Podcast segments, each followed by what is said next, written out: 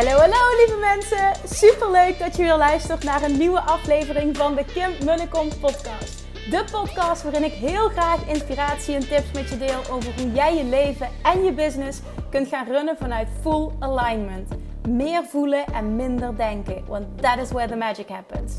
Hoe werkt die wet van aantrekking nu precies? Hoe creëer jij een succesmindset? En hoe kun jij ervoor gaan zorgen dat jij alles gaat aantrekken wat je zo graag wil met minder hard werken? Ik heb er weer super zin in. Let's go!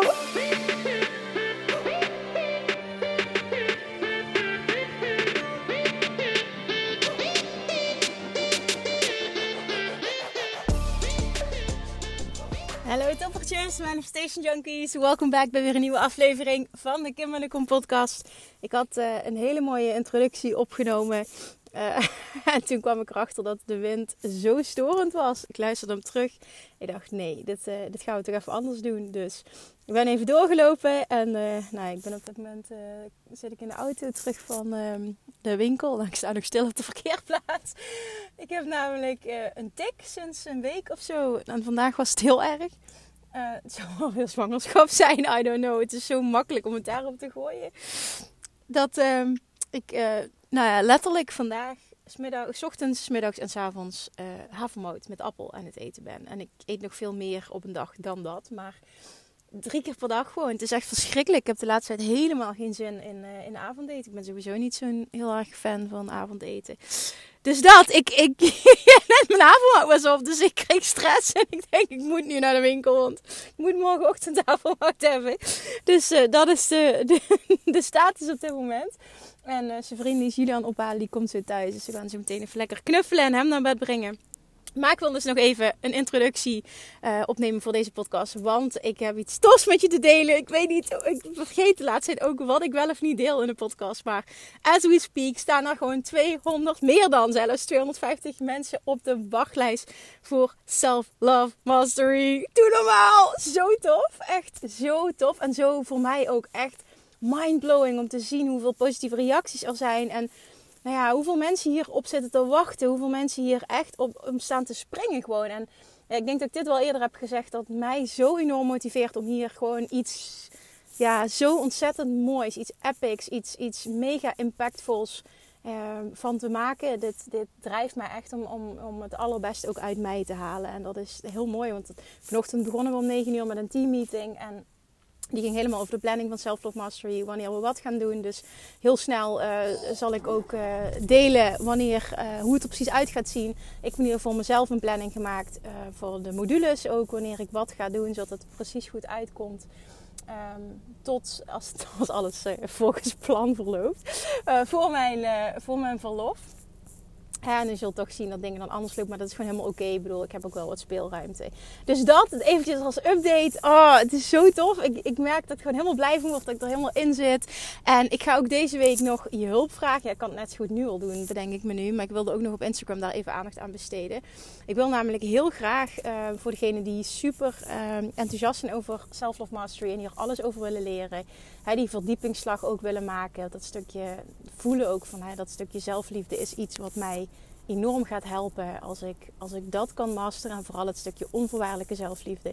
Als je nu luistert en jij bent zo iemand, zou je mij dan uh, feedback willen geven voor wat jij, over wat jij zou willen leren in die training? Wat zou jij willen leren? Waar, wat, wat zeg maar um, moet erin zitten zodat het voor jouw gevoel, voor jou ultiem vervullend en, en een huge impact gaat hebben op jouw leven? Ik ben super benieuwd daarna. Ik wil namelijk zoveel mogelijk feedback uh, meenemen ook in, uh, in de outline. En vervolgens ga ik vanuit die outline ga ik allerlei uh, modules creëren. Maar ik wil ook deze week wil ik focus leggen ook op een outline creëren. En weet je, dit ontstaat toch organisch. Dus dat, er gaan gaandeweg ja, zullen er toch nog dingen bij komen. Dat is gewoon helemaal oké of dingen veranderen. Maar voor nu zou ik het echt super tof vinden als je mij feedback zou willen geven wanneer dit voor jou, die training, wat, wat op het stukje van zelfliefde zou jij willen masteren? Wat zou jij willen leren? En, en ja, wanneer zou die training voor jou ultiem um, ja, vervullend zijn? Daar zou je me echt mee helpen. Dus stuur me alsjeblieft, als je dit hoort, een uh, DM op Instagram. Dat is voor mij het makkelijkst. Die kan ik heel makkelijk screenshotten. En um, dan ga ik uh, gewoon, ja, dan ga ik die categoriseren. En dan ga ik echt mijn best doen om uh, zoveel mogelijk alles erin te verwerken. Ik denk dat ja, ik denk dat dat het is. Dat is het. Nou, dat hebben nog heel veel toffe dingen plaatsgevonden. Ik werd geïnterviewd voor een boek. Nee, niet mijn eigen boek. Ik werd geïnterviewd voor een boek. Maar ik vond het heel tof dat ik onderdeel mag uitmaken van dat boek. Uh, ja, mijn boek, uh, dat is ook nog iets wat, uh, wat, wat ooit een keer komt. Maar dat, voelt, dat stukje voelt voor mij nu nog niet als fun and ease. Dus dan betekent het dat het op dit moment mijn pad niet is. Wat ook gewoon helemaal oké is. En vervolgens, um, ja, daar deel ik uh, later deze week meer over. Oké, ik ga nu mijn mond houden. Je gaat lekker luisteren, want anders dan duurt deze introductie veel te lang. Je gaat vandaag weer luisteren naar um, een Q&A. Ik heb honderden uren aan coachingsmateriaal. Zoveel uren aan coachingsmateriaal. Dit is er eentje van. Um, je gaat luisteren naar een Q&A en ik vind het heel belangrijk dat als je luistert naar überhaupt naar een podcast maar dat je er altijd zo in zit, compleet open-minded, vanuit het vertrouwen. Ik hoor precies wat ik, op dit, wat ik op dit moment nodig heb, wat ik op dit moment moet horen.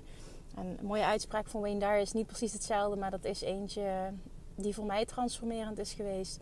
Have a mind that is open to everything and attached to nothing. Die is voor mij zo zo transformerend geweest op het gebied van uh, volledig kunnen onthechten en volledig kunnen vertrouwen. En dus ook weten, altijd dat diepe weten. Ik ben altijd op het juiste moment, op de juiste plek. Ik krijg altijd precies door wat ik door moet krijgen. En dat maakt dat je vanuit heel veel rust en vertrouwen kunt leven. En als je ondernemer bent, ook je business kan runnen. En het dus ook op een mega impact op wat je aantrekt. Oké, dus ga vanuit die overtuiging, vanuit die mindset, vanuit maar ja, dat mooie gevoel. Ga lekker luisteren. Sit back and relax. Vertrouw erop dat jij precies datgene hoort wat nu op dit moment een impact gaat maken op jou. En weet gewoon dat dit een manier van leven is en een staat van zijn die alles voor je verandert. Dankjewel voor het luisteren alvast. En ik spreek je morgen weer. Doei doei.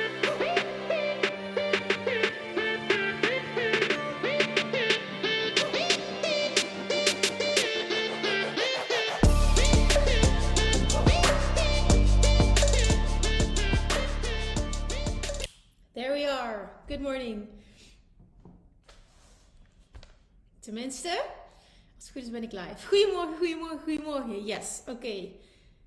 Alles gaat goed. Als je live intuned, dan let me know. Laat even weten of alles goed gaat. Schreeuw eventjes goedemorgen, zo enthousiast mogelijk alsjeblieft. En ik pak ondertussen meteen eventjes de vragen erbij op mijn telefoon.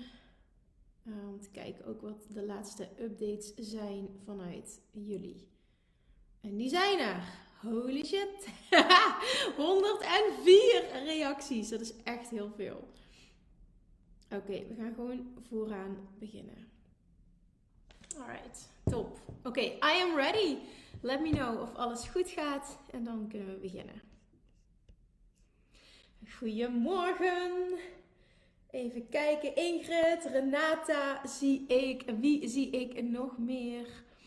Uh, Rian, Ilse, Anka. Gislene, Brit, Arbaya, Miranda. Ilse, weer zin in. Goed zo, dat is ook de bedoeling. Melanie, Jessica, goedemorgen toppers. Super leuk dat jullie er zijn. Ik wil meteen van start gaan. We hebben veel te doen.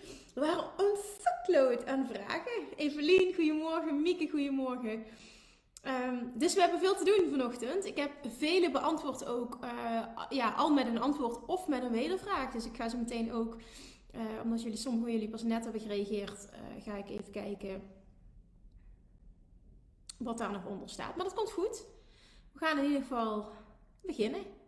Ga de namen niet noemen in verband met het uh, eventueel repurposen van deze content. Dus op het moment dat jij uh, terugkijkt, weet je vanzelf wanneer het jouw vraag is of wanneer niet. Goedemorgen nog.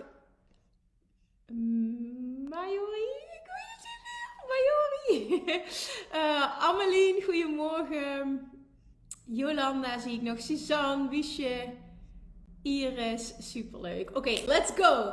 Eerste vraag. Hey Kim, ik heb de Weight Loss Mastery gedaan dit jaar naar najaar en ik ben nu bezig met de Love Attraction Mastery sinds november. Ik had heel veel oude overtuigingen en ik heb gelukkig al heel veel kunnen shiften en ik voel ook dat ik steeds meer vertrouwen krijg in mezelf en het proces. Toch wil ik nog iets vragen over afvallen. Ik ben al een paar keer in mijn leven veel gewicht kwijtgeraakt. Die kilo's kwamen, sorry, kwamen erbij door medicijngebruik, ziekte of zwangerschap. En ik kon ik er wel weer tussen haakjes afleiden. De laatste keer na mijn laatste zwangerschap 30 kilo. Um, en toen voelde ik me prima en was mijn lichaam helemaal naar mijn zin. Ik at gezond uh, en lekker, beweeg graag en ik voelde me in balans. Dit hield ik redelijk moeiteloos in stand. Ik was en dit vind ik het interessante, dat dat toch tussen haakjes staat. Hè? Puur even om te benadrukken ik was toch wel een beetje bang dat ik toch weer dikker zou worden. Daar zit dus nog een onderliggende angst. En toen ontwikkelde ik in de loop van 2019 een stofwisselingsziekte waardoor ik mega snel opzwelde. Ik ging naar de dokter, diagnose gesteld en zes. Kijk, en dit, en het klinkt zo stom, maar die angst zat er altijd. Um, waarbij ze de zieke vetcellen hebben weggehaald, meer dan 20 liter vet. En ik ben niet lichter. Ik heb nog steeds ruim 20 kilo gewicht, meer dan bij mij past en hoe ik me uh, goed voel. Tijdens de Master heb ik grote stappen gemaakt in hoe ik naar mezelf kijk en heb ik geen oordelen meer. Maar afvallen gebeurt dus niet. Heb jij een idee hoe ik mezelf saboteer? Ja, en er is maar één antwoord en dit is fucking confronterend, dat weet ik. Maar dit is het wel en dit is echt iets om stapje voor stapje nog meer aan te werken. Dat is namelijk dat jij niet, want anders zou er een ander resultaat zijn, 100% kunt geloven, kunt verwachten dat jij blijvend op een fijne manier af kunt vallen. Ik ben bewust even stil omdat ik wil dat die binnenkomt. Ik geloof er oprecht in dat je het heel graag wil geloven, maar het zit er vibrationeel niet. Anders zou dit niet het resultaat zijn. Als je tenminste 100% gelooft in de wet van aantrekking. Ik eet doorgaans gezond. Ik heb mijn eigen regels opgesteld tijdens Weight Loss Mastery en alle diëten losgelaten. En ik probeer naar mijn lichaam te luisteren. Mijn vraag aan jou was ook: kun je op dit moment verwachten dat jij moeiteloos slank wordt? Ja, zeg jij, na alle lessen tig keer doen, geloof ik dat echt. Ik weet alleen niet of ik het ook 100% voel. En dit is heel mooi dat je dat zegt. Want op het moment dat je het echt gelooft en echt verwacht, voel je het automatisch. En dan zit je in zo'n diep vertrouwen dat je het ook niet nodig hebt om het in twijfel te trekken, om te kijken of je er al bent, omdat het vertrouwen zo diep is, de verwachting zo sterk is dat het gewoon een diep weten is. En dan hoeft controle ook niet plaats te vinden. En daar zit je niet. Ik vertrouw erop en weet ook dat het kan. Ik ben namelijk al slank geweest. Ik ben alleen wel een soort van verbaasd dat er niets gebeurt. Ja. En het feit dat je dat opmerkt, en ik heb dit al vaker gezegd en ik weet ook dat het irritant is, maar het moet er toch uit. Het feit dat je dit opmerkt, maakt dat je niet 100% in vertrouwen zit. Echt 100% vertrouwen is niet, dan kun je volledig onthechten, kun je loslaten, hoef je niet bij stil te staan waarom het niet, nog niet gebeurt, waarom het niet lukt. Dan zit je zo diep in vertrouwen dat je weet dat het komt. En dat is echt die ultieme staat van zijn, die ultieme staat van vertrouwen en verwachten waar je op wil komen te zitten. Als je erbij bent, um, ja, let me know of dit nog iets met je doet. Oké, ik ga ondertussen door naar de volgende vraag. En mocht ik zo meteen een opmerking zien binnenkomen, dan uh, reageer ik er uiteraard op. Tweede vraag. Hey Kim, ik had deze vraag al gesteld in een DM. Ja, meerdere mensen zijn zo begonnen. Ik heb deze vraag al gesteld in een DM. Ik wil even benadrukken hoe belangrijk het is. Ik krijg letterlijk honderden, honderden DM's per dag. Ik heb niet elke dag tijd, omdat er gemiddeld duurt tot drie tot vier. Uh, nou, in ieder geval voor mijn, voor mijn allereerste bevalling van Julian was ik drie tot vier uur gemiddeld bezig met DM's beantwoorden. Um, ik heb, ja, die tijd is er gewoon nu niet. Dus um, de vragen die jullie hebben naar aanleiding van deze training zijn echt voor in deze groep. Ik wil het even benadrukken. Stel ze wekelijks, als je van mij een antwoord wil, stel ze dan onder uh, de post voor de QA. Want mijn DM's, ik, ja, ik zie gewoon heel veel niet door de enorme hoeveelheid. Um, dit heeft niet zozeer met persoonlijke ontwikkeling te maken of met mezelf, maar ik ben benieuwd hoe het kan dat sommige kindjes ernstig ziek worden of ziek geboren worden. Ja, ik heb net, um, ik heb er sowieso, wil ik er heel wat over zeggen, maar ik heb net ook, ik weet niet of jij het al gezien hebt en voor iedereen die dit interessant vindt, ik heb net een hele mooie clip van Abraham Hicks, de link daarvan um, naar YouTube, zeg maar, naar een clip, heb ik net gedeeld in deze groep. Dus voor een hele uitgebreide, in-depth uitleg hierover van Abraham Hicks zelf, klik daar eventjes op, want die is echt heel mooi. Um, even kijken. Omdat je in module 1 zegt dat je alles zelf aantrekt. In dit geval zou zo'n kindje dit dus ook zelf aantrekken. Klopt. Ik ga zo uitleggen. Alleen wij betitelen dit dus, en dit, dit zijn mijn woorden dus. Wij betitelen dat als iets negatiefs. En Abraham Hicks zegt daar dus iets heel moois over. Maar ook zeg je dat kinderen vaak heel goed zijn in manifesteren, omdat ze nog zo openstaan voor alles en geloven dat alles kan. Klopt. En jij schetst het alsof deze dingen haaks op elkaar staan, maar dat is dus niet zo. Het is een en-en verhaal. Staat zo'n kindje dan al zo negatief niet aligned in het leven dat het zoiets zwaars aantrekt? Nee. Alleen wij als mensen betitelen het als iets zwaars, maar het is niks zwaars. Het is een mogelijkheid tot groei die gekozen wordt door um, iedereen die non-fysiek uh, ter wereld komt. Uh, iedereen, komt, iedereen is uh, non-fysiek voordat hij ter wereld komt. Dus ik was benieuwd wat jouw verklaring, visie hierop is. Nou, ik resoneer helemaal met wat Abraham Hicks hierover teach. En dat is in de kern, maar nogmaals, luister die clip voor een hele uitgebreide mooie uitleg. Dat is in de kern dat wij allemaal um, enkel niet fysiek zijn. We hebben nu, nu bestaan wij uit inner being en uit ego. Ego is ons fysieke deel, ons lichaam, dat allemaal. Dus we hebben een fysiek deel, niet fysiek deel. Het niet fysieke deel, of het wordt ook wel onze ziel genoemd, inner being. Um, dat blijft, dat, dat was er voor we ter wereld kwamen. En dat blijft ook bestaan als we deze aarde weer verlaten. Voordat je ter wereld komt, wist je dat je enkel zou groeien door contrasterende ervaringen. En ik geloof oprecht in, dat is ook wat Abraham Hicks teach, iedereen kiest, zijn eigen contrasterende ervaringen, omdat hij weet dat hij daardoor uh, zal groeien. Uh, we, willen, we willen allemaal niet, ook al denken we dat allemaal, ter wereld komen, dat alles goed gaat, alles vlekkeloos verloopt, want dan groeien we niet. Dan vindt er geen expansion plaats en die evolutie is nu juist ja, letterlijk waarom we hier zijn. Dus door te stoppen met het zien van, van ziekte als iets verschrikkelijks en hoe kan iemand dit zichzelf hebben aangedaan, maar het zien als Um, en ik weet het, dit is niet mainstream. Hè? Dit is echt een andere manier van denken en daar moet je voor openstaan. Maar het zien als iets wat,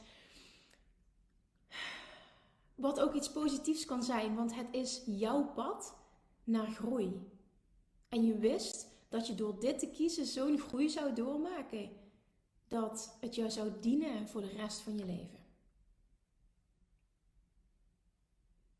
Daar wil ik hem, daar wil ik hem nu. Op het moment dat je luistert nu, Um, ga ik er uiteraard nog verder op in als er iemand een vraag over heeft.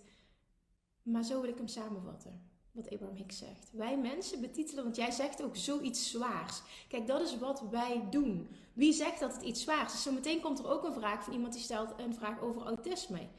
Autisme wordt door vanuit Abraham Hicks, vanuit de Law of Attraction, ook niet gezien als iets wat negatief is. Alleen wij mensen plakken daar een labeltje op dat dat niet goed is. Nee, dat zijn mensen die extreem gevoelig zijn, die heel goed uh, in kunnen tunen op een inner being, die dingen anders doen.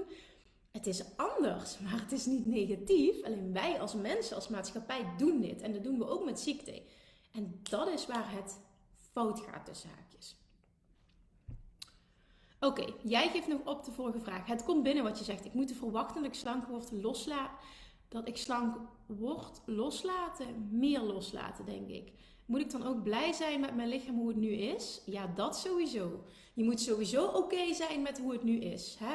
Happy with where I am and eager for more. Dat is de staat van zijn om al tien te kunnen manifesteren. Dus dat is sowieso een ding. Op het moment dat je nu, uh, ja, zeg maar, verafschuwt waar je bent, dan kan het niet lukken. En dat is wat ik vijf jaar heb gedaan, me verafschuwd waar ik was. En toen op het moment dat ik die ochtend wakker werd en dat ik echt dacht van oké, nu is het klaar, dit gaan we zo niet meer doen, liet ik alles los. Kwam er ook een hele erge staat van zijn over me heen van het oké zijn. Uh, letterlijk alles loslaten, die volledige onthechting, complete focus op zo goed mogelijk voor mezelf zorgen. En dat veranderde alles in hele korte tijd. Dus ik ken zelf dat verschil in gevoel. Ook hoe je eerst heel erg gefixeerd op iets kan zijn, iets heel graag willen en ook jezelf niet oké vinden zoals het nu is. Maar het bestaat echt dat je daar een shift in kan maken terwijl de situatie zelf niet verandert.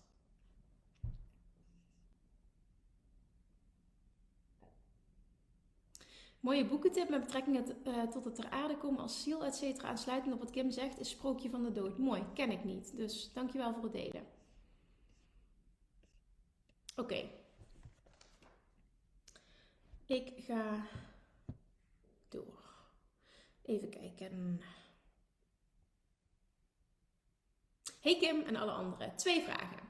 Ja, Deze vraag heb ik ook trouwens in-depth nog beantwoord in een podcast. Um, omdat ik het zo'n goede vond. En ik denk heel erg herkenbaar voor veel mensen. Dus die komt er ook nog aan. Maar nu eventjes mijn antwoord. Twee vragen. Mijn kinderen zijn veel s'nachts wakker of liggen samen tussen, uh, tussen ons in. Deze moeder is aardig opgebrand. Hoe kan ik ochtends opstaan en zin in de dag manifesteren en energie voor mijn lieve dochters en mezelf? Nou, Um, zoals ik zei, ik heb er een uitgebreide podcast over opgenomen. Waarin ik twee dingen, nou ja, het zijn eigenlijk vier dingen, maar opgesplitst in twee dingen. En dat zit hem in één. Wat zou je praktisch kunnen doen al om te zorgen dat je toch meer slaap krijgt? Hè? Bijvoorbeeld uh, dingen verdelen met je partner. Um, um, eerder naar bed gaan. Dat zijn van die, van die kleine dingen. Ik deel daarin ook hoe Sofrien en ik de, deze situatie aanpakken. Um, en vervolgens inderdaad het stukje, en dan komt er ook nog een stukje verwachten, niet alleen voor jezelf, van hè, hoe, hoe ga ik me voelen deze ochtend, maar ook het stukje verwachten uh, voor je kinderen. Wat zendt je uit qua verwachting hoe het zal gaan deze nacht? Op het moment dat je namelijk heel erg zit in het zal wel weer fout gaan. Je gaat er eigenlijk vanuit dat het deze nacht weer raak is, dat het weer hetzelfde gaat. Hou je iets vibrationeel in stand. Je kinderen voelen dat ook namelijk. Daar een shift in maken is ook huge. En dan komt nog het derde stuk. En dat is het stukje hoe kun jij zorgen dat jij een shift maakt in hoe jij je voelt. Nou, vooral, vooral hoe je omgaat hè, met hoe je je voelt. En dat is vooral ehm, echt kijken naar wat wat zijn de positieve dingen? En die zijn er altijd, ook al ben je heel moe. En ik weet dat dit zwaar is. Daarom begin ik ook bij hoe kun je het praktisch maken dat je sowieso wat meer uurtjes slaap krijgt. Waar kan ik me op focussen? Zodat ik me beter voel gedurende deze dag. In plaats van te kijken naar, oh, ik heb weer weinig geslapen. Oh, het is weer zover. Oh, ik merk dat me niet goed voel. Oh, ik ben niet de optimale moeder. Nou, oké, wat gaat er allemaal goed? Wat is er fijn aan deze dag? Wat ben ik dankbaar voor? En daar veel meer op te focussen, waardoor je automatisch in een andere vibe terechtkomt ongeacht de omstandigheden. Oké, en dan de tweede vraag. Ik hoor je vaker zeggen dat mensen gewoon buikpijn krijgen als ze met deze mastery bezig zijn. Um, nou ja, buikpijn klinkt zo negatief, maar gewoon dat ze in hun lichaam voelen dat, ze, um, ja, dat, er, iets, dat er iets plaatsvindt. Gewoon dat, dat je lichaam reageert op. Voor mij voelt het als een extreme excitement uh, in mijn buik, zeg maar. Dus niet als buikpijn, maar als echt iets positiefs. Ik voel me positief zo gespannen en mijn lichaam reageert er best wel eng op. Oh, erg op, sorry. mijn hoofd volledige rust en vertrouwen, want dit is wat ik wil en voel dat elke dag. Uh, is dit herkenbaar? Nou, ik... Uh, jij zei nog, dit is ook voor mij positief, dus ik pak het ook heel positief op. Dus die hoeven we verder ook niet in depth te beantwoorden. Maar als je dit herkent, dan uh, zie dat echt als iets positiefs. Alright, dit is ook een mooie vraag. Hey Kim, je zei me vorige week om te kijken naar hoe andere artiesten het doen om aan werk te komen. Ik vind dat een moeilijke. Ik zie wel dat ze af en toe op Facebook iets posten, maar verder heb ik daar geen zicht op wat ze nog anders doen. Nou ja, als het goed is, hebben artiesten ook een website. Je kunt al zien wat gebeurt er op die website. Bieden ze iets te koop aan? Is er misschien een bepaalde funnel? Kun je ergens op opt-innen? Uh, wat, zijn hun, wat zijn hun mediakanalen? Nou, jij gaf aan, een aantal mensen uit Italië doen dat. Mijn Italiaans is niet zo goed, zeg je. En ze spreken doorgaans geen Engels. Hoe zoek ik dat dan uit? Uh, of wat zou een goede tip zijn om mee aan de slag te gaan? Omdat ik uh, ook dacht dat we onszelf niet moeten meer vergelijken met anderen. Klopt. Niet vergelijken met anderen, maar wel een rolmodel zoeken. Uh, dat vind ik zo'n mooie. Tony Robbins teach dit. Model someone who is already successful. Als ondernemer uh, zeker als je startend bent of dingen lopen nog niet zo goed, is het super slim om te kijken naar: oké, wie doet al succesvol wat ik wil doen? En, en wat kan ik daar als inspiratie uithalen? En hoe kan ik dit op mijn eigen manier gaan doen, mijn eigen draai gaan vinden? En op het moment dat je namelijk niemand kunt vinden die doet wat jij doet, dan is de vraag van, goh, hè, is dit wel een slimme businesskeuze? Want dan maak ik het mezelf wel misschien heel onnodig moeilijk ik geloof er niet in als je het hebt over wat jij doet, hè? Um, de artiestenbranche, dat niemand dit doet. Ik denk alleen dat je ze nog niet gevonden hebt. Dat is wat anders. Dus ik heb aan jou gevraagd: um, ga eens op zoek naar Amerikaanse artiesten. Ken je die al, die succesvol doen wat jij doet? Want die zijn er zeker. Heb je daar namen van? Heb je, hebben ze Instagram-accounts? Hebben ze websites? Hebben ze Facebook-profielen? Um, kun je ergens voor opt-innen? Zijn er bepaalde Facebook-groepen voor jouw niche? Die zijn er ook zeker. En daar gatheren als het ware, daar komen die mensen bijeen die uh, daarin geïnteresseerd zijn. Welke gesprekken vinden daar plaats? Dat is de manier van denken.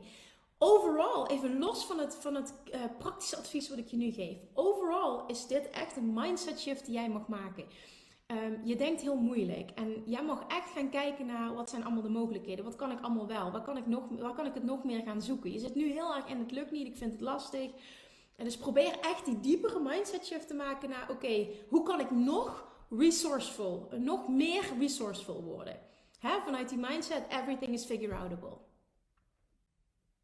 Jij geeft nog als reactie. Ik ken en zie veel uh, op Facebook en Instagram. Ik krijg dagelijks vriendschapsverzoeken en heel veel uh, likes op uh, lijnwerken.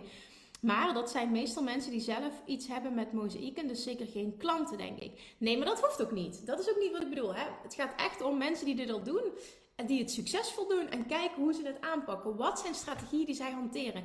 Waar verzamelen mensen zich die hierin geïnteresseerd zijn? Want die zijn er. Er zijn veel Facebookgroepen en ben lid van verschillende, maar ook daar allemaal uh, mozaïekers. Oké, oké, maar dat betekent dus eigenlijk wat jij nu zegt, dat, jij, um, dat er letterlijk niemand in de wereld is die dit succesvol verkoopt. Dat geloof ik dus niet. Dus op het moment dat je anderen ziet, oké, ga uitvogelen, wat doen zij? Zie je iemand die succesvol is, ga daar eens mee in gesprek, kijken of je in contact kunt komen. Model what they, what, they do. Dus ga kijken naar hun websites. Is er een bepaalde opt-in? Hoe pakken ze dingen aan? Hoe zijn ze zichtbaar? dat is echt wat je mag doen. En dat is, dat is ja, hoe zou ik dat zeggen? Um, je eigen nieuwsgierigheid prikkelen, er helemaal induiken. Er zijn zoveel dingen die je kan doen. Maar vaak blokkeren mensen doordat ze overweldigd zijn. Ik merk dat ook toen ik de vraag stelde over um, uh, crypto en dat allemaal. Dat mensen zeggen, ja, ik weet gewoon niet waar ik moet beginnen. Dus met andere woorden, ik doe niks. Ja, dan valt mijn mond echt open. Ik weet niet waar ik moet beginnen, dus ik doe niks. Ik ben overweldigd.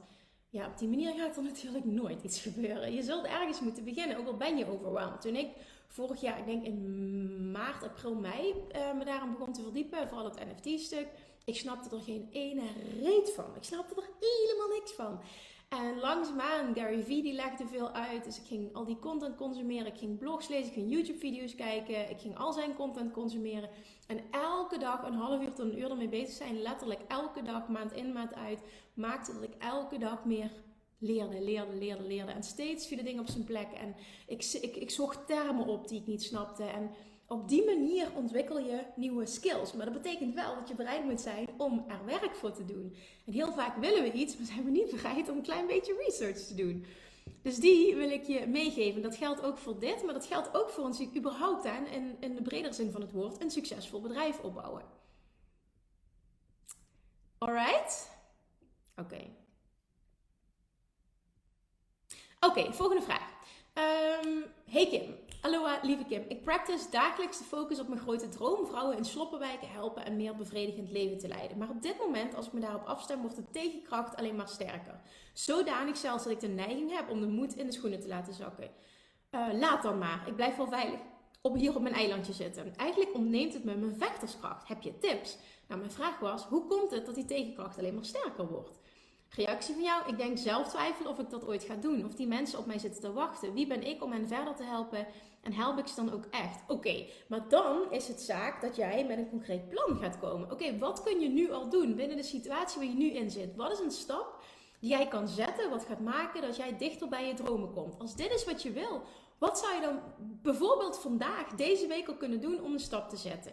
Dat gaat namelijk maken door, door iedere keer een mini, mini, mini, mini uh, stapje te zetten. Dat er, dat er voor jou helderheid komt. Je hebt het gevoel dat je dichterbij komt. En um, de zelftwijfel gaat, gaat naar achteren. Maar nu is het, tenminste zo komt het op mij over, zo'n huge ding. Waar je geen idee hebt waar je moet beginnen. Ik zou gewoon echt gaan denken van oké, hoe wil ik dat gaan bereiken? Wil ik dat enkel uh, met geld geven doen? Wil ik ergens naartoe? Waar bevinden die mensen zich? Is er een specifiek project? Snap je zo? Ga het eens veel concreter maken voor jezelf. Want het is nu één groot ding waar je, wat je niet aan kunt raken. En dat maakt dat die zelftwijfel natuurlijk heel groot is. Dus wat kun je doen om het kleiner te maken? En wat kun je vervolgens doen vandaag al om een stap te zetten? Dat zijn even vragen aan jou.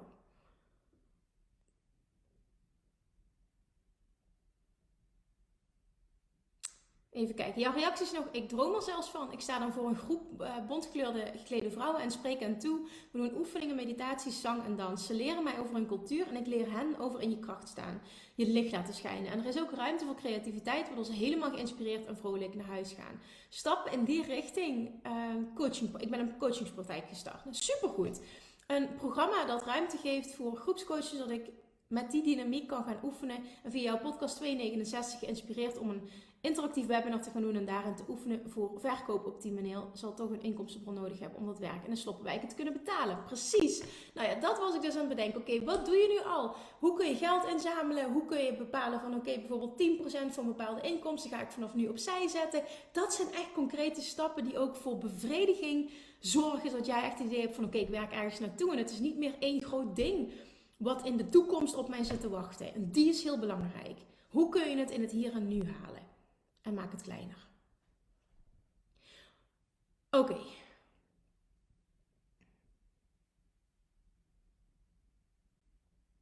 Even kijken. Ja, deze vraag. Ik ben even aan het kijken. Oh, ho, ho, ho, ho, sorry. Um,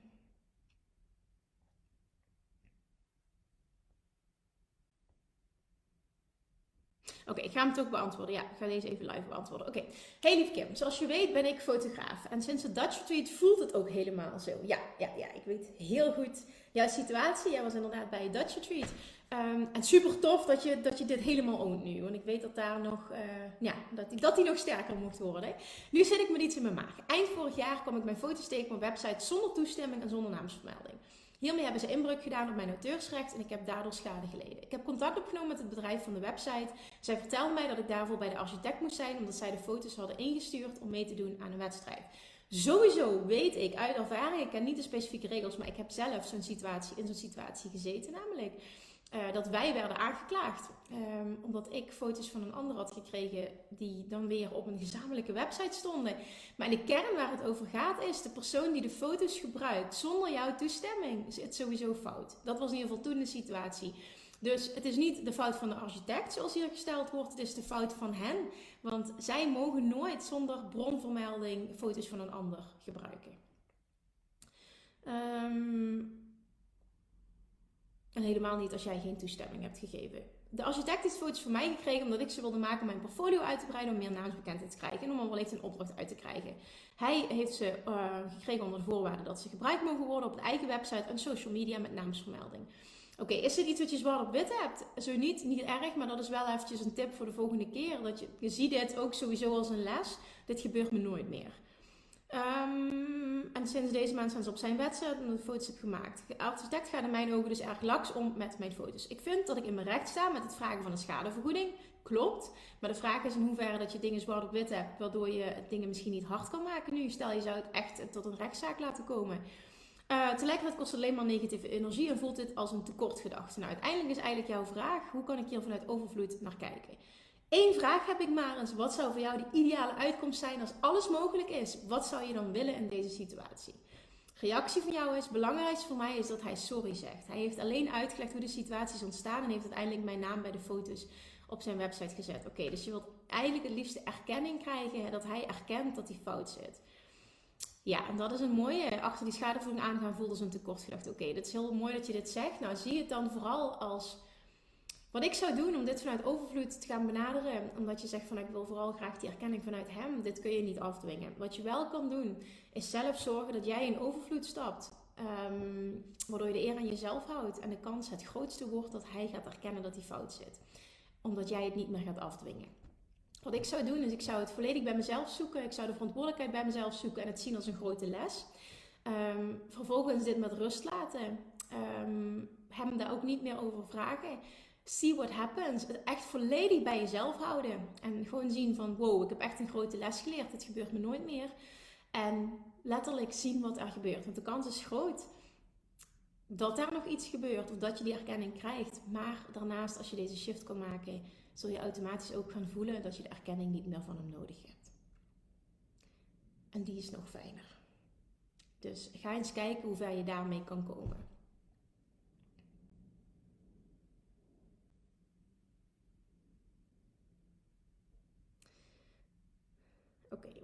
Deze heb ik nog geen antwoord op. Dus dat is niet iets om nu nog. Uh, mm, mm.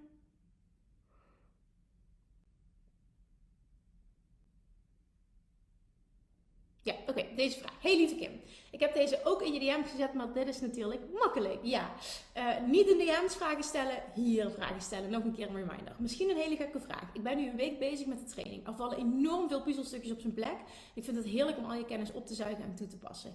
Ik heb alleen een hele grote les gehad. Ik leef mijn leven al jaren vanuit mijn ego, vanuit mijn hoofd. En dat klinkt gek, uh, maar ik weet gewoon niet meer wat voelen precies is. Nou, dat snap ik helemaal, want dat heb ik ook jaren gedaan. Dus ik weet precies wat je bedoelt. Behalve als ik in tranen uitbarst bij een zielige film. Ik vind het best triest dat ik zo ver van mijn inner being vandaan ben geraakt door mijn ego. Maar ook hier pak ik de verantwoordelijkheid. Ik wil het veranderen, het is mijn leven. Heb jij baby step tips hoe je weer goed bij je gevoel kunt komen? Ik merk dat ik daarom ook heel moeilijk affirmaties kan vinden die ik geloof. Dus die hebben dan ook geen enkele zin. Klopt. Oké, een hele simpele vraag. Wat is iets, en dit is alleen maar wat jij kan beantwoorden, en dat iedereen die dit hoort kan alleen maar voor zichzelf beantwoorden. Wat is iets op dagelijkse basis dat jij kunt doen voor jezelf, waar je heel blij van wordt? Wat jou een goed gevoel geeft. Reactie, dat ben ik aan het uitzoeken, maar zelfs dat voel ik heel moeilijk. Ik ben echt een soort van mezelf opnieuw aan het uitzoeken. Oké, maar dan mag je het nog kleiner maken. Vind je het leuk om s'avonds tv te kijken of op een ander moment? Vind je het leuk om te wandelen? Vind je het lekker om een boek te lezen? Vind je het lekker om in bad te gaan? Vind je het fijn om naar de sauna te gaan? Vind je het fijn om te werken aan een Pinterest-bord creëren met plaatjes? Ik ga even alle kanten op, omdat het van alles kan zijn. jij weet wel wat je fijn vindt. Nu maak je het alsof je helemaal niet meer weet wat je wel en niet leuk vindt. Dat geloof ik niet. Dus maak het kleiner. Wat is een mini, mini, mini, mini, mini iets? Misschien vind je iets wel super lekker om te eten wat je zelf elke dag kan gunnen. Ik noem maar even iets. Wat kun je jezelf gunnen wat iets van een goed gevoel oplevert? Dat is een baby step, een eerste stap. Wat kun je dagelijks voor jezelf doen waar je heel blij van wordt? Oké, als je erbij bent, ga nog maar even, hoef niet nu te beantwoorden, maar vaak komt er wel iets. Um, even kijken.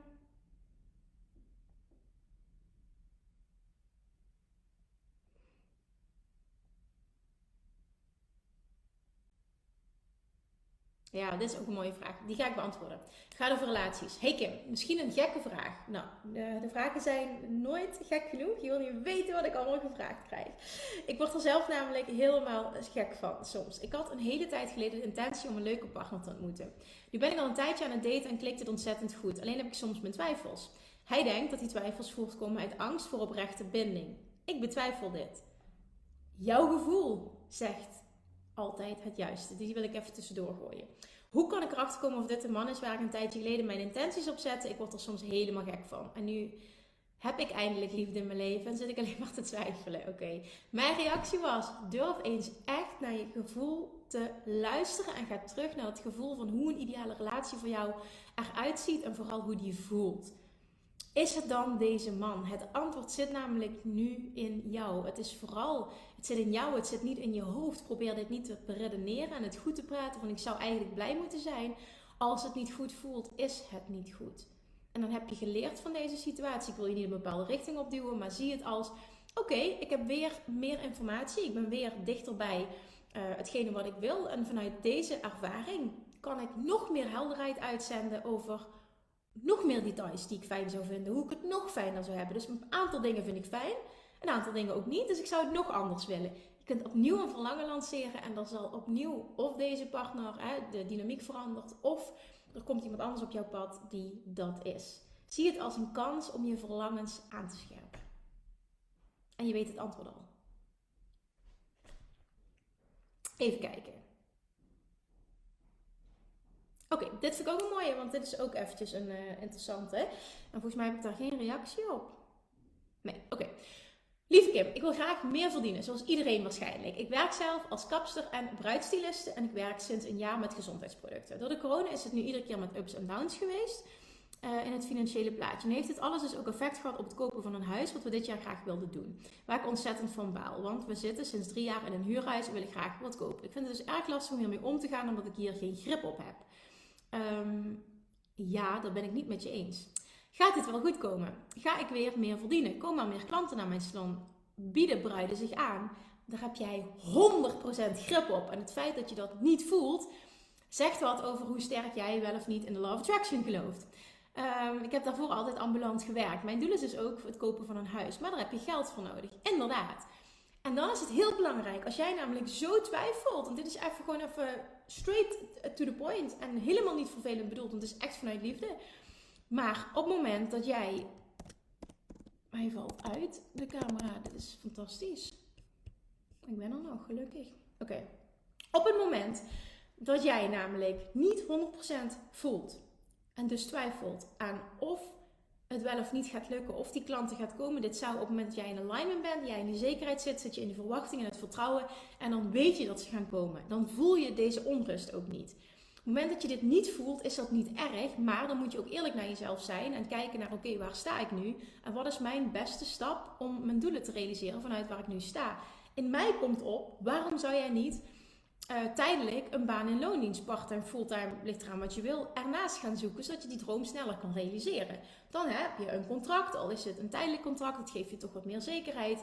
Uh, je hebt vaste inkomsten meteen en dan kun je sneller stappen zetten. Ik snap dat dat niet je droomscenario is, maar op het moment dat je niet die alignment voelt voor je eigen business op dit moment, en je wilt toch heel snel het liefste een huis kopen, zijn er natuurlijk verschillende opties. Maar dit is misschien wel het pad van de minste weerstand. Dus laat die optie eens bezinken. Wat maakt dat je daar überhaupt niet over nadenkt? En wat maakt dat, die, dat, je, dat je liever in die zekerheid wil blijven zitten dan bijvoorbeeld deze stap zetten? Of die, in die onzekerheid blijven zitten dan deze stap zetten. Het zijn gewoon even een paar dingen om over na te denken. Helemaal niet zo van dit moet je doen. Maar meer, ja, wat maakt dat je een andere stap niet zou zetten? Waarom zou je het niet vanuit een hele andere hoek benaderen? Oké, die wil ik er even tussendoor gooien.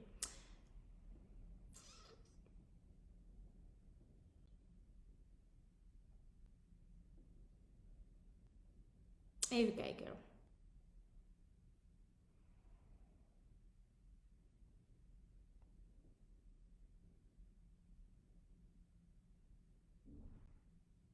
Heb ik hier een reactie op, want dat is namelijk voor mij ook heel belangrijk. Ja, ik ga deze vraag beantwoorden. Oké, live in ieder geval, want ik heb ze ook schriftelijk al beantwoord. Wat ik zou willen weten is hoe het kan dat toen de dood me op de hielen zat, ik mega goed was in manifesteren. Hoe kan dat? Omdat zo'n situatie creëert dat je verlangen extra sterk wordt. Heel simpel antwoord. En dat nu die druk weg, weggevallen is, het eigenlijk niet zo heel goed meer lukt. Wel mini-manifestaties, maar niet mijn grote dromen. Een soort wachtkamerleven, uh, niet horen bij het een en ook nog niet bij het andere. Ja, mijn reactie was.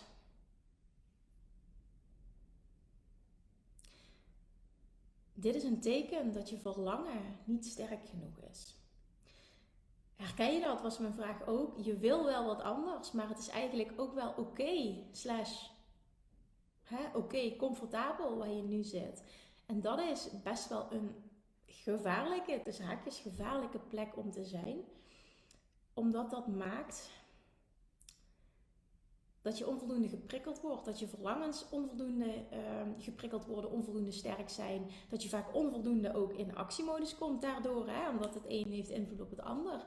En er is niks mis met comfortabel zijn, maar er zit wel een verschil tussen uh, comfortabel zijn is een, um, een, een, goed leven. Dat is ook zo'n mooi boek van Good to Great.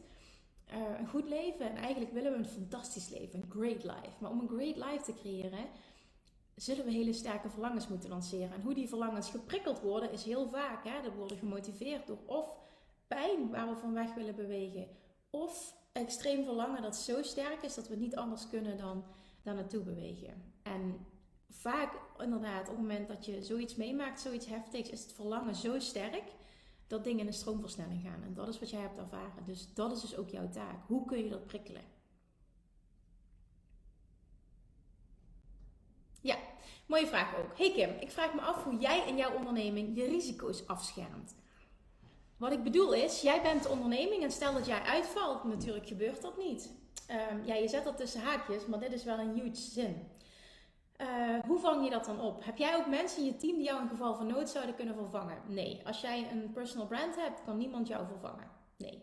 Mijn team is fantastisch, maar ze kunnen niet doen wat ik nu doe. Iemand anders gaat geen podcast opnemen, gaat geen video's maken. Uh, snap je al dat stukje qua marketing eigenlijk? Ik ben het gezicht van het bedrijf, dus nee, dat kan gewoon niet.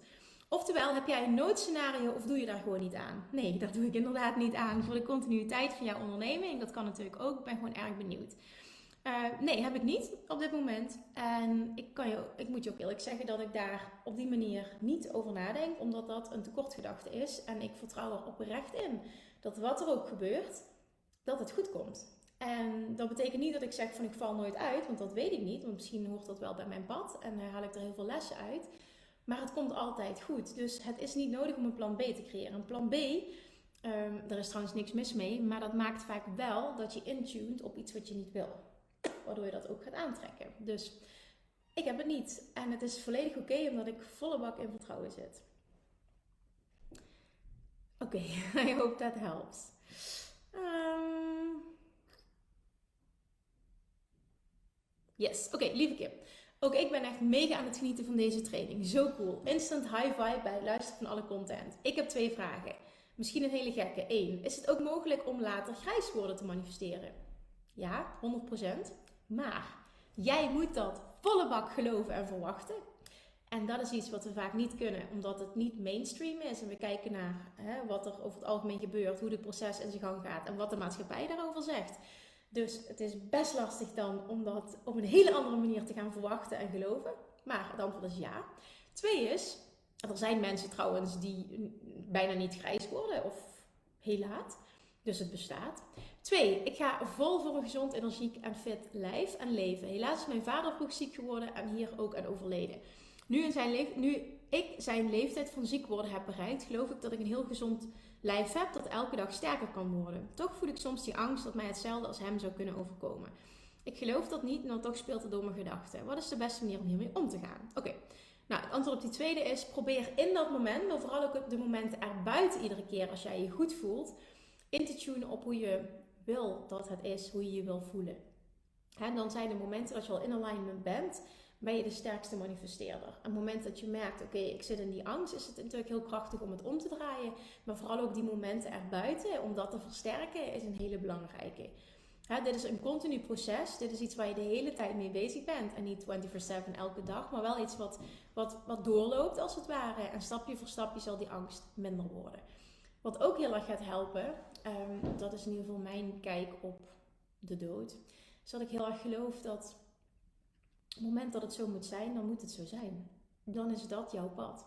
Snap je? Als het zo moet zijn, en het klinkt heel stom als als het zo moet zijn dat jij, nou, stel je zo dit jaar ook uh, dat er iets gebeurt, zou komen te overlijden, dan het klinkt heel stom en misschien heel zwart-wit en heel hard, maar misschien is dat dan gewoon jouw pad. En wie zegt dat dat niet goed is? En door te luisteren naar Abraham Hicks en die waarheid over te nemen, weet ik, dat is nou mijn waarheid in ieder geval, dat het fantastisch is waar wij terechtkomen als we dit fysieke leven verlaten.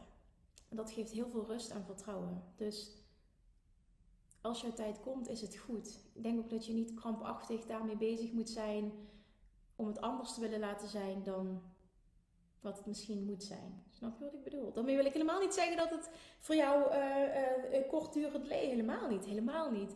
Maar meer gewoon, ben er niet te veel mee bezig. Dat. Let it be. Vanuit vertrouwen.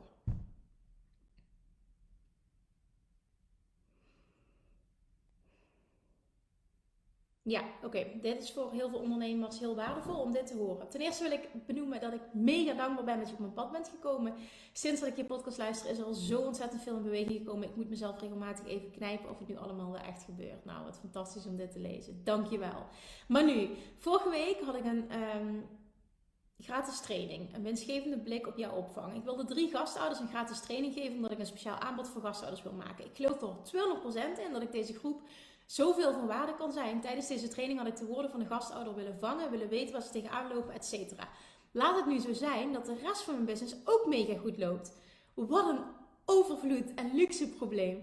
En ik twee weken terug tegen mijn man zei: Nu geef ik straks een training om straks een super aanbod neer te zetten. En zit ik al vol met allemaal andere klanten. En nu heb ik dus nul deelnemers in de training op het afgesproken tijdstip. Natuurlijk, dit is Law of Attraction. Jouw vraag: heb ik dit over mezelf afgeroepen? Ja. Uh, het heeft mij gelukkig de bevestiging gegeven dat ik er alleen nog maar meer in geloof. Dus binnenkort ga ik gewoon weer een poging doen. Nou, oké, mijn reactie is: yes, dat klinkt misschien heel stom, maar zo mag je het wel zien. Als jij geen ruimte voelt voor nieuwe klanten gaat dit letterlijk gebeuren. Dan kunnen er ook geen nieuwe klanten komen. Jij hebt dat vibrationeel uitgezonden en de universe said, oké, I heard you. Dus reactie, natuurlijk gaan er geen nieuwe klanten komen, want er is geen plek. Er is, ja, in jouw uh, vibratie is er geen plek. Dus het is aan jou om ruimte te creëren. Dat is hetzelfde als um, dat jij vibrationeel geen plek voelt voor een partner of voor een nieuwe partner of wat dan ook. Dan kan die er ook niet komen. Het is heel belangrijk om te weten wat je echt uitzendt en niet wat je zegt.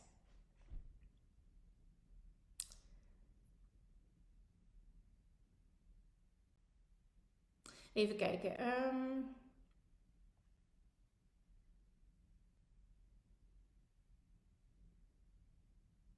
Ja, oké. Hey Kim, dankjewel voor alle mooie dingen die ik al van je heb mogen leren. Het geeft heel veel verhelderingen. Dankjewel ook voor deze reactie. Ik heb een vraagje. Omdat ik zo enthousiast ben, zou ik heel graag mijn dochter van zes meer willen leren over de wet van aantrekkingskracht. Omdat ze het zichzelf vaak heel moeilijk maakt. Ze zit snel hoog in emotie en als er iets gebeurt, is het nooit haar schuld en schiet ze in de slachtofferrol. Schiet ze in de slachtofferrol. Nu lijkt lukt het bij mezelf dit steeds beter te herkennen en om om te zetten, maar ik vind het moeilijk om haar dit te leren. Heb je tips? Yes, nou, sowieso een mooie vraag.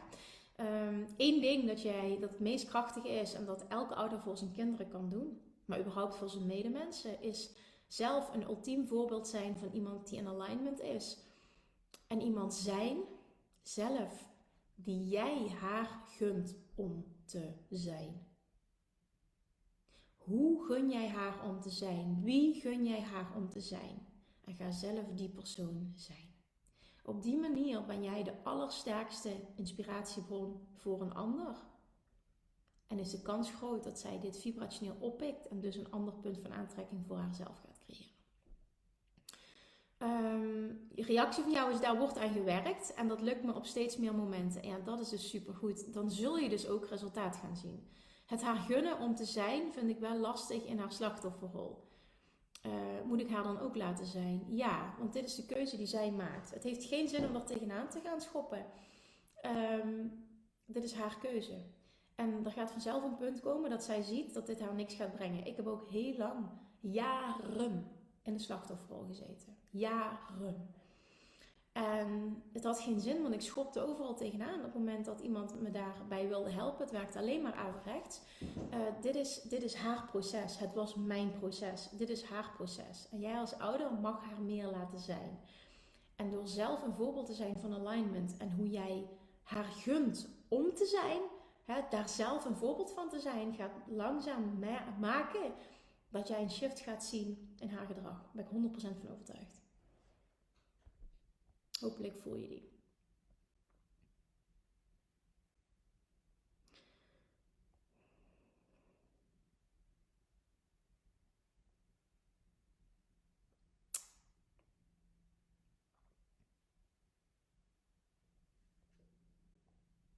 Even kijken. Um... Ja, dit is ook een mooie uh, lichaamsvraag. Ik denk dat veel vrouwen dit herkennen. Kim, ik vind het nogal lastig dat na mijn tweede zwangerschap, mijn dochter is vier maanden nu, mijn lijf nog niet weer in shape is. Vooral mijn buik voelt nog niet weer van mij, als je snapt wat ik bedoel. Ja, ik snap heel goed wat, wat je bedoelt, want ik heb die frustratie ook lichtelijk gevoeld na mijn eerste zwangerschap al. Uh, ik zal er zo meteen wat over delen, want ik denk dat dat helpt. Ik vind het enorm lastig om te geloven dat mijn lijf ooit weer helemaal lekker in shape komt. Uh, dat ik echt weer helemaal happy aan mee ben. Ik kan het zeg maar niet geloven zoals jij vaak dan vraagt. Oké, maar dit is wel een huge ding. He, want als je dat niet kunt geloven, zul je het ook niet kunnen aantrekken. Ook heb ik steeds de overtuiging dat ik ergens nog tekorten heb door de zwangerschap en de borstvoeding die ik nu nog geef. En dat mijn lijf veel werk te doen heeft en niet bij kan trekken. Dit is ook een excuus dat het wel de hormonen en tekorten zullen zijn dat ik nog steeds een gekke buik heb die maar niet plat wil worden. Hoe shift ik dit? Hoe kan ik geloven dat ik dat lijf kan manifesteren dat ik wil? Hoe kan ik manifesteren dat ik geen tekort heb en dus ook geen bak aan supplementen hoef te slikken? Ook een overtuiging natuurlijk. Oké, reactie van mij. En dat is een hele belangrijke vraag.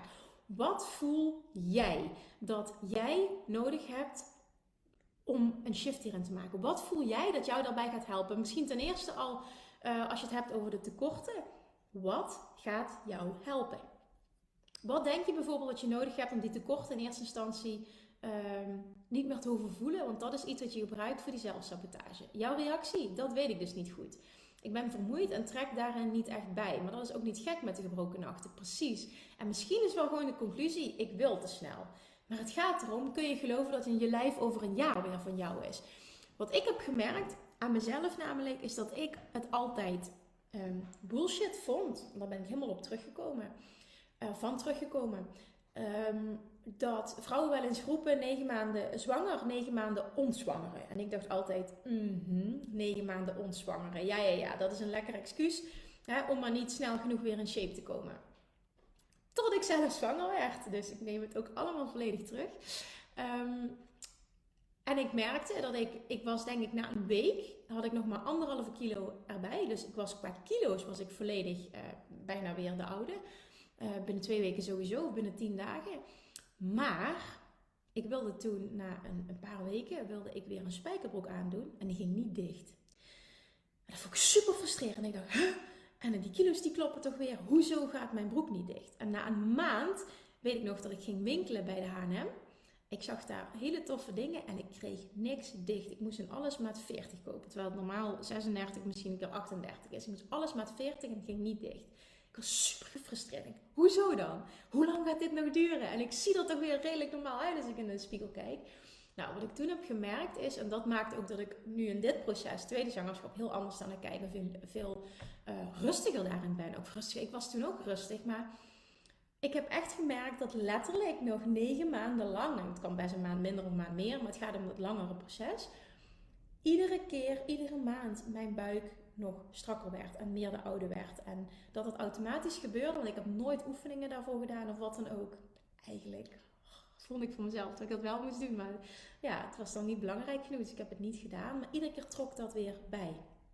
En toen heb ik ook echt gemerkt, wauw, je mag jezelf de tijd geven. Dit is een proces. Je huid, je hele lijf moet weer herstellen. Uh, sowieso is het zo dat door vermoeidheid uh, maak je extra cortisol aan. Cortisol uh, zorgt voor vetopslag. Dus dat maakt ook dat je niet kunt afvallen. Hè? Te, te, korte nachten, te weinig slaap, überhaupt te weinig rust. Zorgt ervoor dat een mens het stresshormoon cortisol aanmaakt. Cortisol zorgt ervoor dat je niet kunt afvallen. Of in ieder geval heel lastig kunt afvallen. Dus dat is sowieso een, fysiek iets. Um, en dat is ook oké, want dat wordt ook wel weer anders. Mijn overall ding wat ik je nu wil meegeven is dat je het vertrouwen mag hebben dat het weer komt. Dat jij de inspiratie zult ontvangen, wat je mag doen om daar te komen, maar vooral in het hier en nu. De rust mag opzoeken in jezelf, lief mag zijn naar jezelf toe. En mag voelen everything is working out for me. Het komt wel goed. Het allerbelangrijkste nu is dat ik goed voor mezelf zorg. Dat ik probeer zoveel mogelijk rust te pakken. Ik hoef niet nu die focus te leggen op die buik moet zo snel mogelijk weg. Mijn buik reageert op mijn level van alignment. Voel je die? Dat is even een belangrijke. Laat los. Over een jaar is ook oké. Dit is een proces. Dit is in ieder geval iets wat ik nu met mezelf uh, heb afgesproken. Ik zeg niet dat het dan automatisch vlekkeloos verloopt, maar ik kan er nu al wel met veel meer rust naar kijken. Ik heb wel 100% de overtuiging van oké, dat komt uiteindelijk gewoon weer goed. Maar niet die tijd pushen. Oké, oké. I hope that helps. Um, mm, mm, mm,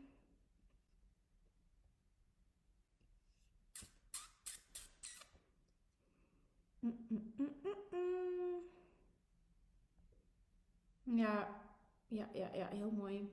Nou, die vraag over autisme, heel mooi. Dat is eigenlijk hetzelfde als wat ik dus net benoemde. Hè? En luister vooral ook naar die clip van Abraham Hicks die ik gedeeld heb, want die is super krachtig.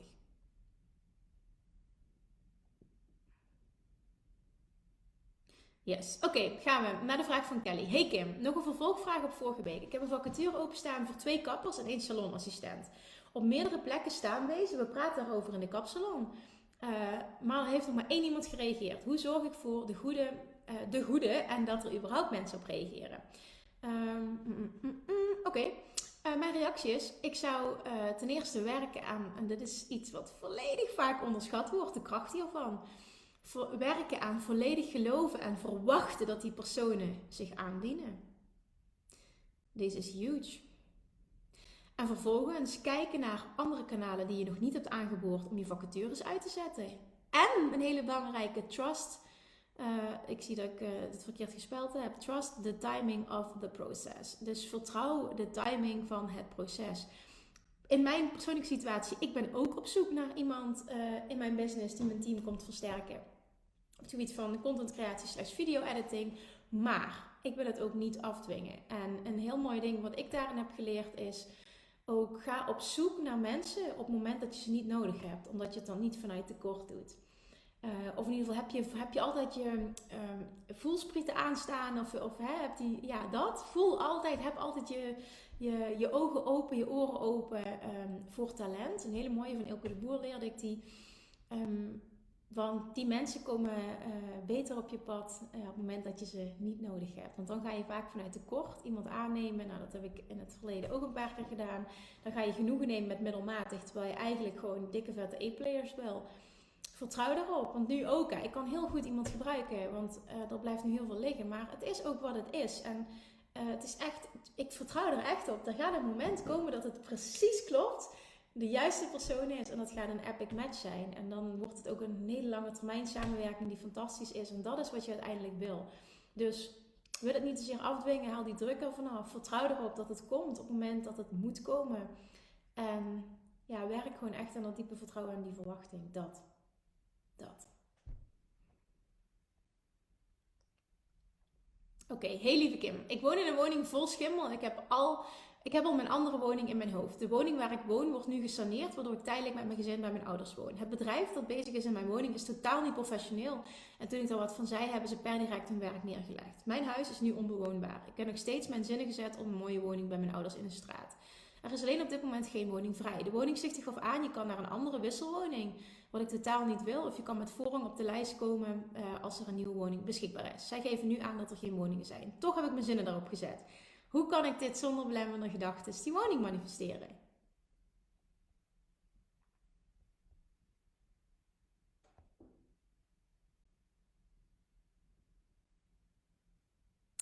Oké, ik was nog even aan het kijken, want er zijn nog wat vragen binnengekomen na uh, eh, 9 uur. Dus die ga ik nu niet meenemen, maar ik zal ze meteen nog even schriftelijk reageren.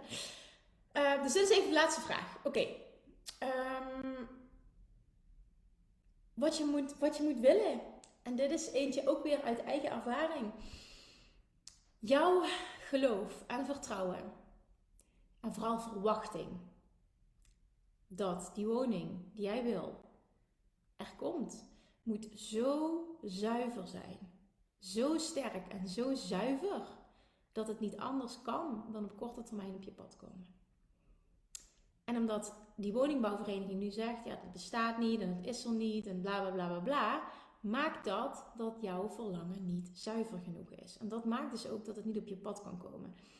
Ik wil een voorbeeld noemen wat ik zelf heb meegemaakt toen ik, uh, uh, dat is in 2014 geweest, uh, mijn relatie, vorige vriend van zeven jaar, heb beëindigd. Eh, of hebben samen beëindigd, moet ik niet zeggen. We hebben, we hebben samen dat beëindigd. We zijn ook heel fijn uit elkaar gegaan uh, was ik op zoek, want ik woonde toen uh, bij hem. Dat was een huurappartement. En zijn, ben ik op zoek gegaan naar een uh, nieuw appartement. En toen ben ik eerst um, via Funda allemaal plekken gaan bekijken, dingen gaan bezichtigen. En het voelde allemaal niet goed. Toen ben ik gaan nadenken over, oké, wat is een ultieme droom? Wat zou ik nou echt super graag willen? En er was een complex aan het water, een appartementencomplex aan het water wat van de woningbouwvereniging uh, ja, is, was. Wat ik super graag wilde. Alleen, daar woonden bijna alleen maar ouderen. En die woonden daar for life, als het ware. Dus daar kwam praktisch nooit een appartement vrij. Dat is ook wat de woningbouwvereniging tegen mij zei. Want ik ben daar naartoe gegaan natuurlijk en gezegd... Uh, ja, hoe lang moet je op de wachtlijst? stond wel op de wachtlijst al bij de woningbouwvereniging. Er kwam praktisch nooit wat vrij. En ik werd zo blij toen ik onderaan dat gebouw stond en naar boven keek, naar die, die bovenste verdieping, die vierde etage. Want dan wist ik, dan heb ik het vetste uitzicht over het water, dan gaat de zon onder ook. Hoe tof zou het zijn als daar wat vrijkomt. En dat was de enige vibe, de enige, de enige ja, zin. Weet je dat? Maar het is echt vibe. Want ik begin nu nog, ik kan me dat gevoel nog zo herinneren dat ik had op dat moment hoe tof zou het zijn om daar te kunnen wonen. Dat was alles wat ik zocht. Het was de plek, het was de locatie, het was de prijs, het was alles klopte gewoon. Op een donderdag ben ik toen bij de woningbouwvereniging geweest. Ik heb op een donderdag daar gestaan. En dit geloof je niet, maar dit is echt pure love attraction. Op vrijdagochtend, om 7 uur s ochtends, open ik ehm, mijn mail. En er komt een mail binnen met nieuwe woning. Uh, nieuwe woning te huur of, of, nieuwe woning beschikbaar. Ik weet niet meer wat de tekst was, dat boeit ook verder niet. Op de vierde etage in dat complex. Exact, exact wat ik wilde. En ik had op dat moment vanaf 9 uur had ik ehm, klanten staan. Ik werkte toen nog als voedingsdeskundige één op één. Ik heb acuut om 7 uur s ochtends al mijn klanten in de ochtend afgezegd.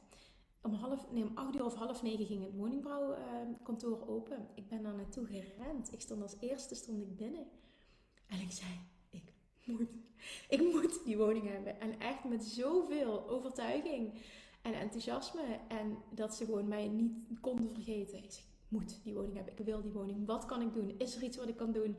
Ja, mevrouw, het werkt met de wachttijd. Wie het langst ingeschreven staat. Bla, bla, bla, bla, bla. Ik denk twee, drie dagen later.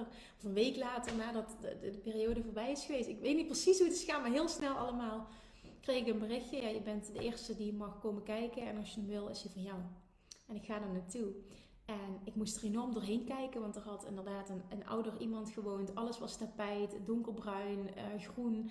Het was een beetje het huis wat we nu hebben gekocht, wat we helemaal gepimpt hebben. Maar ik wist gewoon, ik moet er nu doorheen kijken, want ik had al zoveel andere appartementen bezichtigd dat ik dat een beetje geleerd had. Want dit uitzicht en wat je hiervan kan maken, is gaat precies, dit, dit is het gewoon, dit is Love Attraction. En natuurlijk heb ik ja gezegd. En toen heb ik voor een fantastische prijs op de meest epic locatie op de vierde etage heb ik jarenlang gewoond. Ik heb ook echt met pijn in mijn hart toen ik met vrienden samenwoonde die plek verlaten. Echt nog met paniekaanvallen s'nachts. Ik dacht van, moet ik dit wel doen? Dat was zo mijn thuis. Dat was voor de toekomst die we samen wilden, was het niet. Maar ik heb zelfs nog gevraagd of ik het misschien kon kopen als investering of wat dan ook. Dit was het zo, dit plekje. Maar hoe dat is gegaan, ik wil dat echt duidelijk maken. Het was all odds against me. En binnen een dag had ik hem. Binnen een dag was je er. Dit is, en dat wist ik toen nog niet, of in ieder geval niet in depth zeg maar, maar dit is manifesteren. Dit is zo zuiver verlangen. Zo zuiver en zo sterk verlangen. Dat een manifestatie moet volgen op hele korte termijn. En dat is wat Abraham Hicks bedoelt met: It doesn't take time, it just takes alignment. Wat kun je geloven? Oké, ik hoop dat die binnenkomt voor heel veel mensen, ook op een ander vlak dan enkel een woning. Want dit werkt voor alles zo.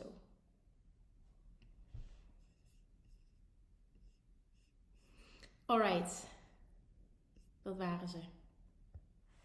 Nogmaals, de vragen die na 9 uur binnenkomen, die. Um,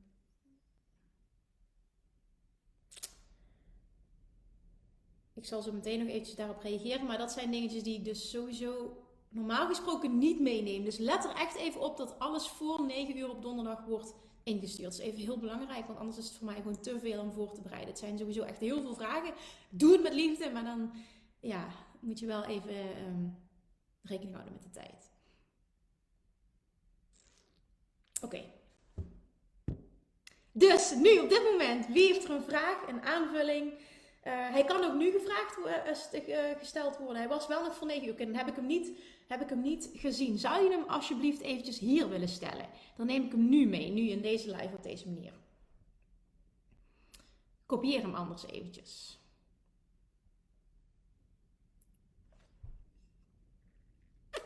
Oké, hier komen reacties. Er zijn geen gekke vragen, toch? Mijn hond heeft veel onrust en heeft invloed op het gezin. Kan je ook visualiseren dat dit beter gaat, net als visualiseren 100%? Want de vraag is, hoe kan het dat die hond onrust voelt? Is er onrust binnen het gezin waar hij op reageert? Dat is een hele belangrijke vraag om even jezelf te stellen. Hetzelfde als hoe een kind daarop kan reageren, kan uh, een huisdier daar ook extreem op reageren.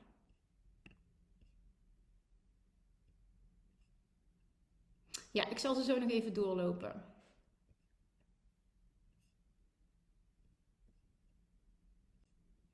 Is het mogelijk om rust en geluk voor het gezin te manifesteren? Absoluut. Maar de manier waarop je dit doet, is zelf een extreem voorbeeld te zijn van alignment. En van de rust die jij graag wil dat het hele gezin voelt. Dat is het, hè? Zo ben jij van invloed op anderen.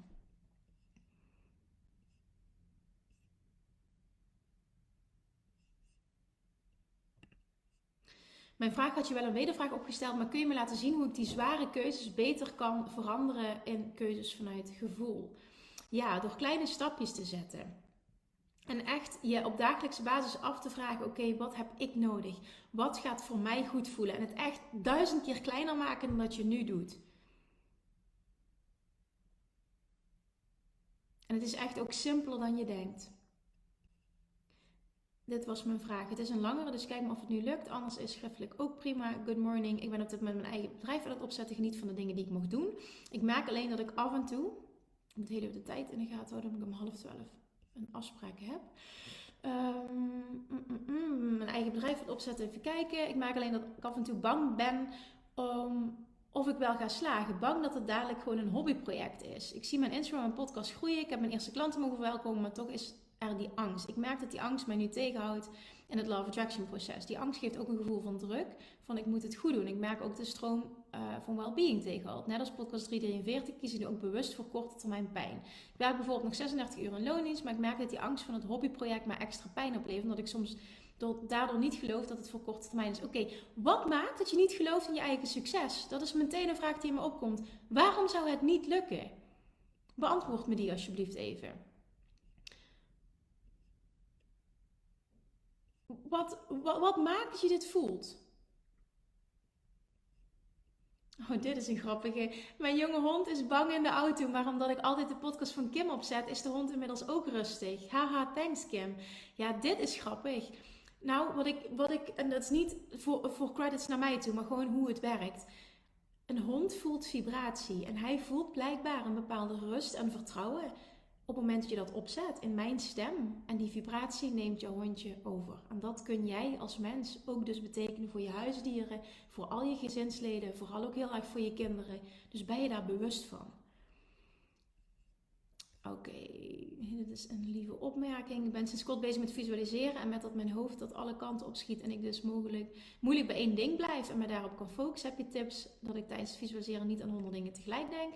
Um, ja, heel bewust je gedachten sturen iedere keer. Dus als je merkt van, goh, ik dwaal weer af, iedere keer weer opnieuw focussen op dat ene ding wat je wil. Dat is echt, ook dit is een kwestie van trainen. Dit is gewoon heel vaak doen. En dit mag een proces zijn. Dus veroordeel jezelf ook niet op het moment dat het niet meteen lukt. Ja, die stomme vraag om wie, wie ben ik om dit te doen? Oké, ja, maar je, je weet dat ik dit altijd zeg. Who the fuck are you not? Wie ben je niet om dit te doen? Hou op met die bullshit. Die kan iedereen wel voelen. Weet je, die kan ik ook dagelijks voelen. Wie ben ik? Want er is al Abraham Hicks, weet je? En, en, en een andere fantastische manifestering. wie ben ik? Er zijn altijd mensen die aangaan op jouw energie, jouw unieke combinatie. Maar op het moment dat jij je waarde niet ziet, kan een ander dat ook niet zien. Dus hou gewoon op met die bullshit. Soms moet je het ook gewoon niet moeilijker maken dan het is. En je hoeft ook niks te helen. En het hoeft geen ingewikkeld proces te zijn. Je moet gewoon kappen met je bullshit. Oké? Oké? Ja, mooie Nathalie. Inderdaad, kleine stapjes. Ik wil altijd meteen grote sprongen maken. That's it. Dit is het antwoord jij nu moest horen. Dit. Heel goed, heel goed, heel goed. Ehm, en nu zegt iemand anders. Het is heel leuk. Wauw, dan ga ik de podcast gewoon in huis luisteren met de kinderen. Ja, maar dit is een eerste stap. En vervolgens is het, moet het zover komen dat, dat ik niet nodig ben in huis om die rust te creëren. Maar dat je het zelf doet. Maar ik moet wel lachen hierom. Maar het werkt wel zo. Het klinkt echt heel stom, maar het werkt wel zo. Het werkt wel zo. Ik ga kijken of ik dit geluid eruit kan knippen, want hij kwam binnen. Ehm, ja, dat kun je zeker. En op het moment dat dit zelfs ook nog een podcast zou worden, kun je letterlijk met die iPhone of met andere dingen kun je screen recording maken en heb je een audiofragment um, van dit stuk en dat kun je gebruiken. Dus zo kun je het ook heel makkelijk doen ik heb eigenlijk voor morgen al een podcast. Dus ik ga ook even kijken of dat ik die dan voor maandag plaats. Dus we moeten gewoon even kijken. Als je wel een grotendeels je huis voor je dromen in grote lijnen kunt zien. Net als het buiten en rondom, dierenbos. Maar nog niet over uit bent welk land. Ik wil namelijk eigenlijk weg hier, maar ik weet nog niet exact waar dan. Hoe kan ik dit dan met de juiste, het juiste uitzenden? Door te focussen op hoe het voelt. Door te focussen op hoe het voelt om daar te zijn. En dan boeit het land niet. En de helderheid, wat het, gaat, wat het mag zijn, gaat zich vanzelf aandienen. That's it. That's it.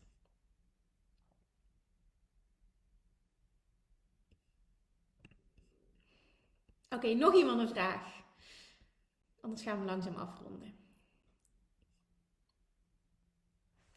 Want a lot has been said, denk ik. Er is heel veel gezegd en ook heel veel verschillende onderwerpen.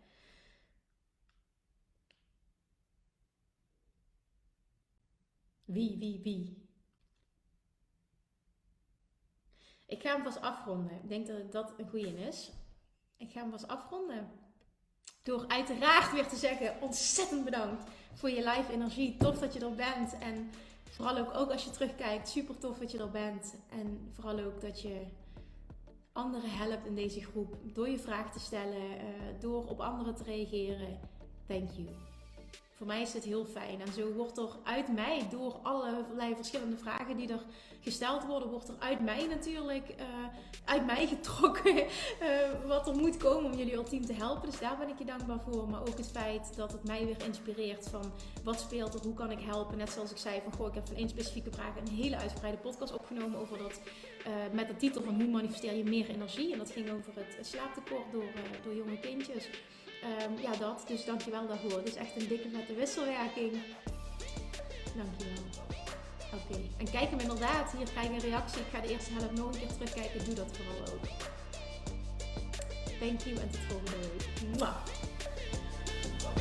Lievertjes, dankjewel weer voor het luisteren. Nou, mocht je deze aflevering interessant hebben gevonden, dan alsjeblieft maak even een screenshot en tag me op Instagram. Of in je stories, of gewoon in je feed. Daarmee inspireer je anderen en ik vind het zo ontzettend leuk om te zien wie er luistert. En nog één dingetje voor alle gratis content die ik aanbied. Zou je alsjeblieft één dingetje terug willen doen? En dat is: ga naar iTunes, zoek de podcast op, scroll even naar beneden en laat een korte review achter. Hoeveel meer reviews namelijk, hoeveel beter de podcast gevonden wordt in iTunes en hoeveel meer mensen ik kan bereiken met mijn boodschap. Super, super dankjewel alvast en tot de volgende keer!